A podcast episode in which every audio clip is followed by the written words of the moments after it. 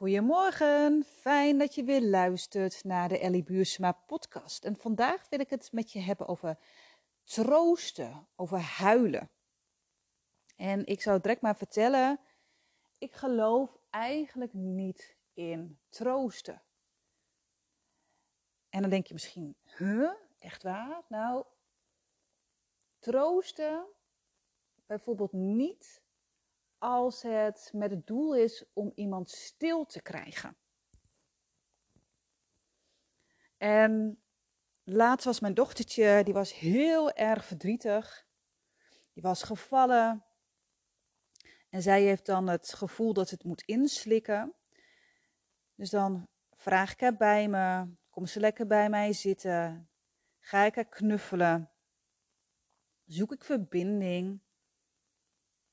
En dan komt er verdriet uit. En wat ik dan doe, is dat ik eigenlijk niks zeg. Ik laat haar. Ik laat al haar verdriet, laat ik er zijn.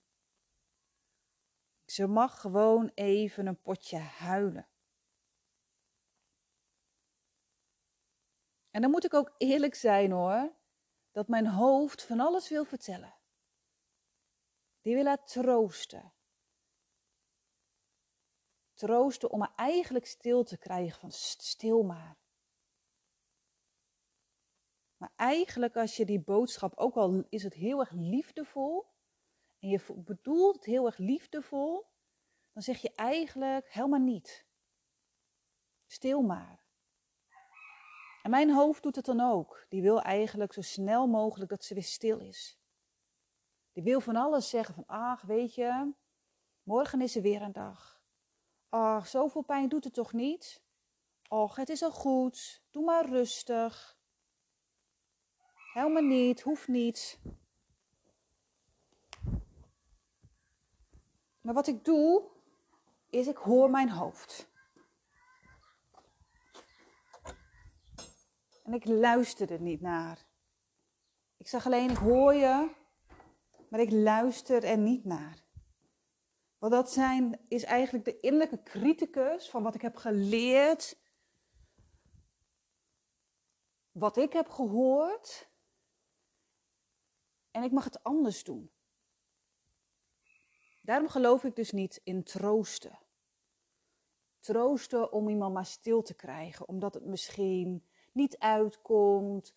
Of omdat huilen ingewikkeld is. Omdat misschien huilen er niet mag zijn. Hè? Je hebt natuurlijk verschillende overtuigingen. Je bent ook op een bepaalde manier opgevoed. Dus doe je ogen maar eens dicht. En voel maar eens wat het woord huilen al met je doet. En misschien moet je dan zelf al wel huilen. Misschien voel je spanning. Voel je spanning in je maag, omdat het misschien niet mocht zijn. Voel je spanning in je keel, omdat je heel erg lang eigenlijk zelf je tranen hebt ingeslikt. Of voel je spanning in je kaken. Mocht jij vroeger wel huilen? Mogen eigenlijk al je emoties er zijn? Ik heb heel veel vrouwen in mijn praktijk die echt sinds, nou, sinds lange tijd weer huilen. En dat echt bij tissuebox gewoon echt bijna leeg is. Dat ze zeggen, jeetje, dit lucht op. Ik heb dit eigenlijk nooit echt gedaan, want het mocht niet, het kon niet, het lukte niet. En hoe fijn is het dat je eigenlijk al je verdriet, ja, mag voelen. Want weet je, als emoties er niet mogen zijn, ja, waar laat je ze dan? Weet je, want jouw lichaam, die heeft een hele hechte relatie met jouw gevoelens. Dus als jij emoties wegstopt, ja, dan gaan ze in je lijf zitten. Ze zoeken een plek in je lijf waar ze vast gaan zitten. We onderdrukken ze letterlijk. Het komt niet uit, het mag er niet zijn. We maken het soms heel klein Maar eigenlijk wil je verdriet, je boosheid, verdriet wil eigenlijk gevoeld worden. Want als je het vastzet, dan kan het niet bewegen. En het wil bewegen zodat het je uit, het uit je systeem kan.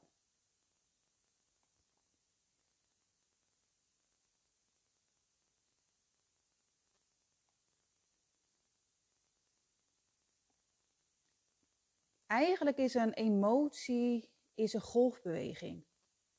En wat er heel vaak gebeurt, is vooral bij verdriet ook, is dat mensen heel erg bang zijn dat ze verdrinken in hun emoties, in hun verdriet. Dat ze overweldigd worden.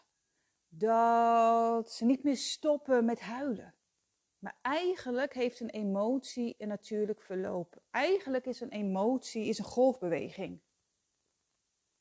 Het zwelt aan net als een golf en vervolgens laat het los. En dat kan eigenlijk van een paar seconden tot een paar minuten duren. Wat ik al zei is, wanneer we deze, ja eigenlijk is het een hele natuurlijke beweging. Als we die natuurlijke beweging tegenhouden, ja, dan krijg je problemen. Dan druk je het weg. Dan gaat het vastzitten in je lichaam.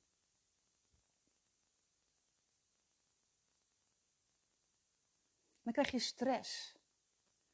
En je lichaam speelt op.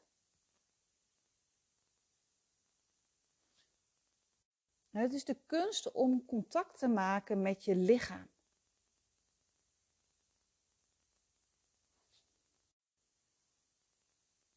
Eigenlijk is je lichaam een kaart die je helpt te identificeren wat je voelt. Dus denk maar eens aan een situatie waarin je geraakt was en je eigenlijk iets wilde zeggen. En waarschijnlijk voelde het als een brok in je keel. Je kon niet goed uit je woorden komen. Of denk aan een situatie waarin je eigenlijk heel erg wilde huilen. Je voelde het in je lijf. Het verdriet mocht eruit. Maar het lukte niet. Dan krijg je last van je kaak. Je hebt het ingeslikt.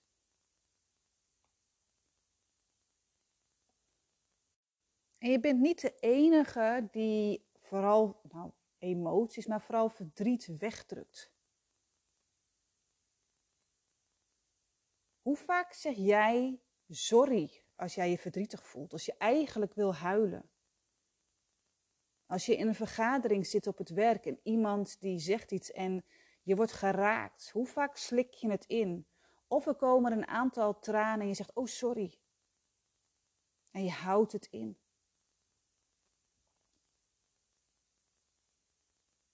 En soms moet huilen zelfs mooi zijn, weet je. Ik vind het altijd heerlijk om echt te huilen. Ehm, ja, ik noem het de ugly cry. Met snot en met tranen en je huid in een bepaalde positie. Maar de ugly cry heeft vaak ook gewoon een negatieve lading. Want als jij je verliest in je emoties als volwassene, misschien herken je dat wel, dan word jij als instabiel gezien. Want jij bent altijd zo emotioneel. En die herken ik heel veel. Jaren geleden, dan hoorde ik tijdens mijn functioneringsgesprek altijd: Jij bent zo emotioneel. En dat klopte, want ik werd best wel vaak geraakt. Maar op een gegeven moment ben ik gaan ja, voelen of bedenken van ja, maar is het dan verkeerd? Is het verkeerd als jij emotioneel bent? Wat dus eigenlijk als het er gewoon mag zijn, als je alles mag voelen wat je voelt.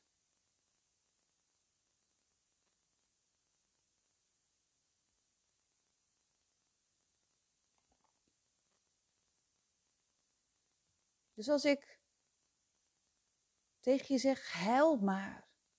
Lief mooi mens. Ook als het gewoon heel erg lelijk huilen is, huil.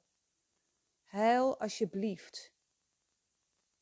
Weet je, bij mij in mijn praktijkruimte heb ik een hele mooie tissue box. Die wordt gewoon echt heel vaak gebruikt. Ik moet zeggen, denk ik elke sessie wel. En dan zeggen ze ook sorry. Dan zeg ik, daar hoef jij nooit sorry voor te zeggen. Zeg dus ook nooit sorry voor wat jij voelt. Ik juich het toe als jij veel meer ruimte geeft aan wat je voelt. En als jij veel meer ruimte geeft aan wat jij voelt, dan ziet jouw omgeving dat ook. Dat het allemaal mag, allemaal mag zijn. Dat het normaal is dat jij voelt. Dat het normaal is als je huilt. Dat emoties er gewoon mogen zijn.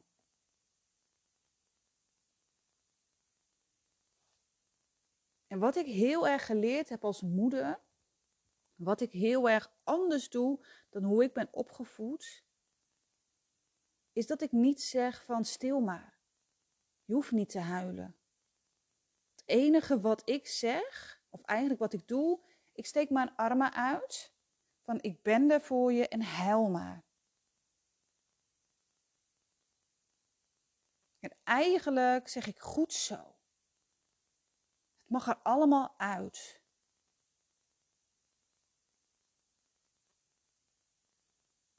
Zeg dat ook maar eens tegen jezelf. Huil maar. Geef jezelf toestemming om te huilen. Want misschien zit er wel ergens een blokkade in jezelf.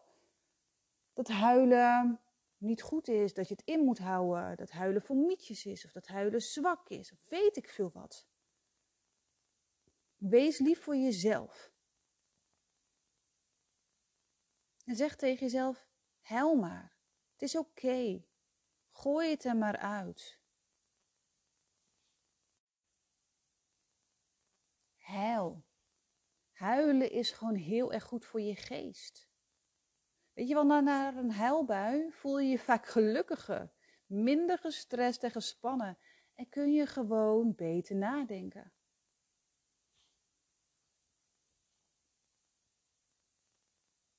Huilen helpt je ook je gevoelens te communiceren naar de mensen om je heen. Het spoort anderen aan om je te troosten. Hè? Dus niet om je stil te krijgen, maar er gewoon om voor je te zijn. En het kan eigenlijk je band met je partner, met je kinderen, met je familie, die kan je band met, je, met die mensen versterken.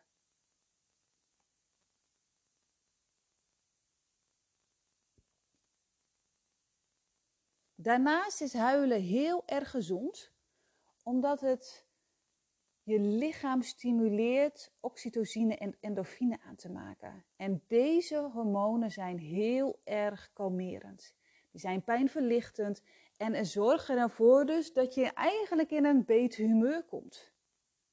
Weet je, wat ik net al zei is, weet je, je hebt die ugly cry, je kan je soms echt daarna heel moe voelen. Je voelt je misschien verschrikkelijk. Maar achteraf zul je meestal juist een stuk beter voelen. Dat zeggen heel veel klanten bij mij ook. Die zeggen, oh, zo, dat lucht op. En ze voelen zichzelf direct zakken in hun lijf. Ze voelen dat ze minder last hebben van hun keel. Ze voelen dat er ruimte ontstaat, dat ze minder last hebben van hun schouders. Er zit veel minder spanning in het lijf.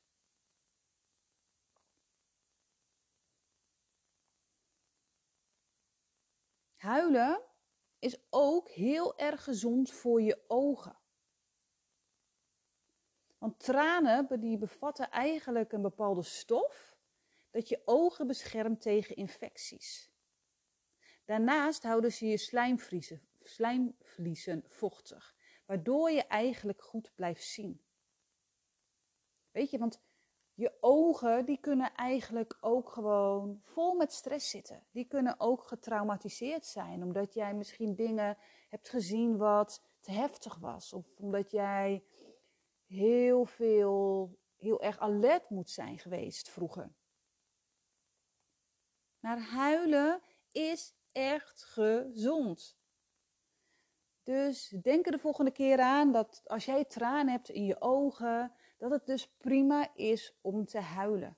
We zijn allemaal mensen, we hebben allemaal gevoelens en het is zo belangrijk om al onze emoties te voelen. Echt, echt, echt waar. Dus ik zeg het nog een keer. Lief, mooi mens, huil, huil, huil.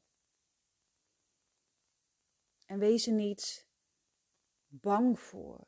Verontschuldig je niet voor je emoties. Het lucht op.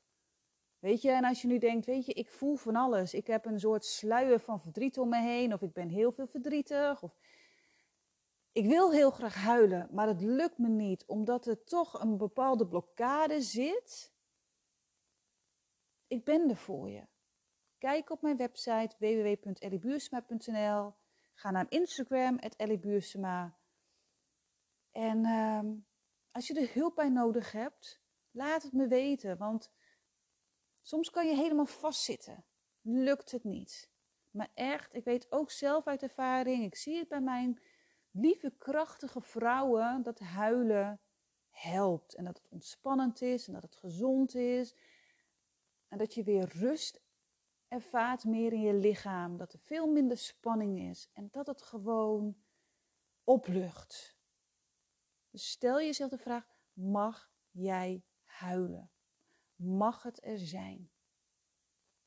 Dus lief mooi mens, ik wil je bedanken voor het luisteren. En ik wens je een hele fijne dinsdag. Doei doei!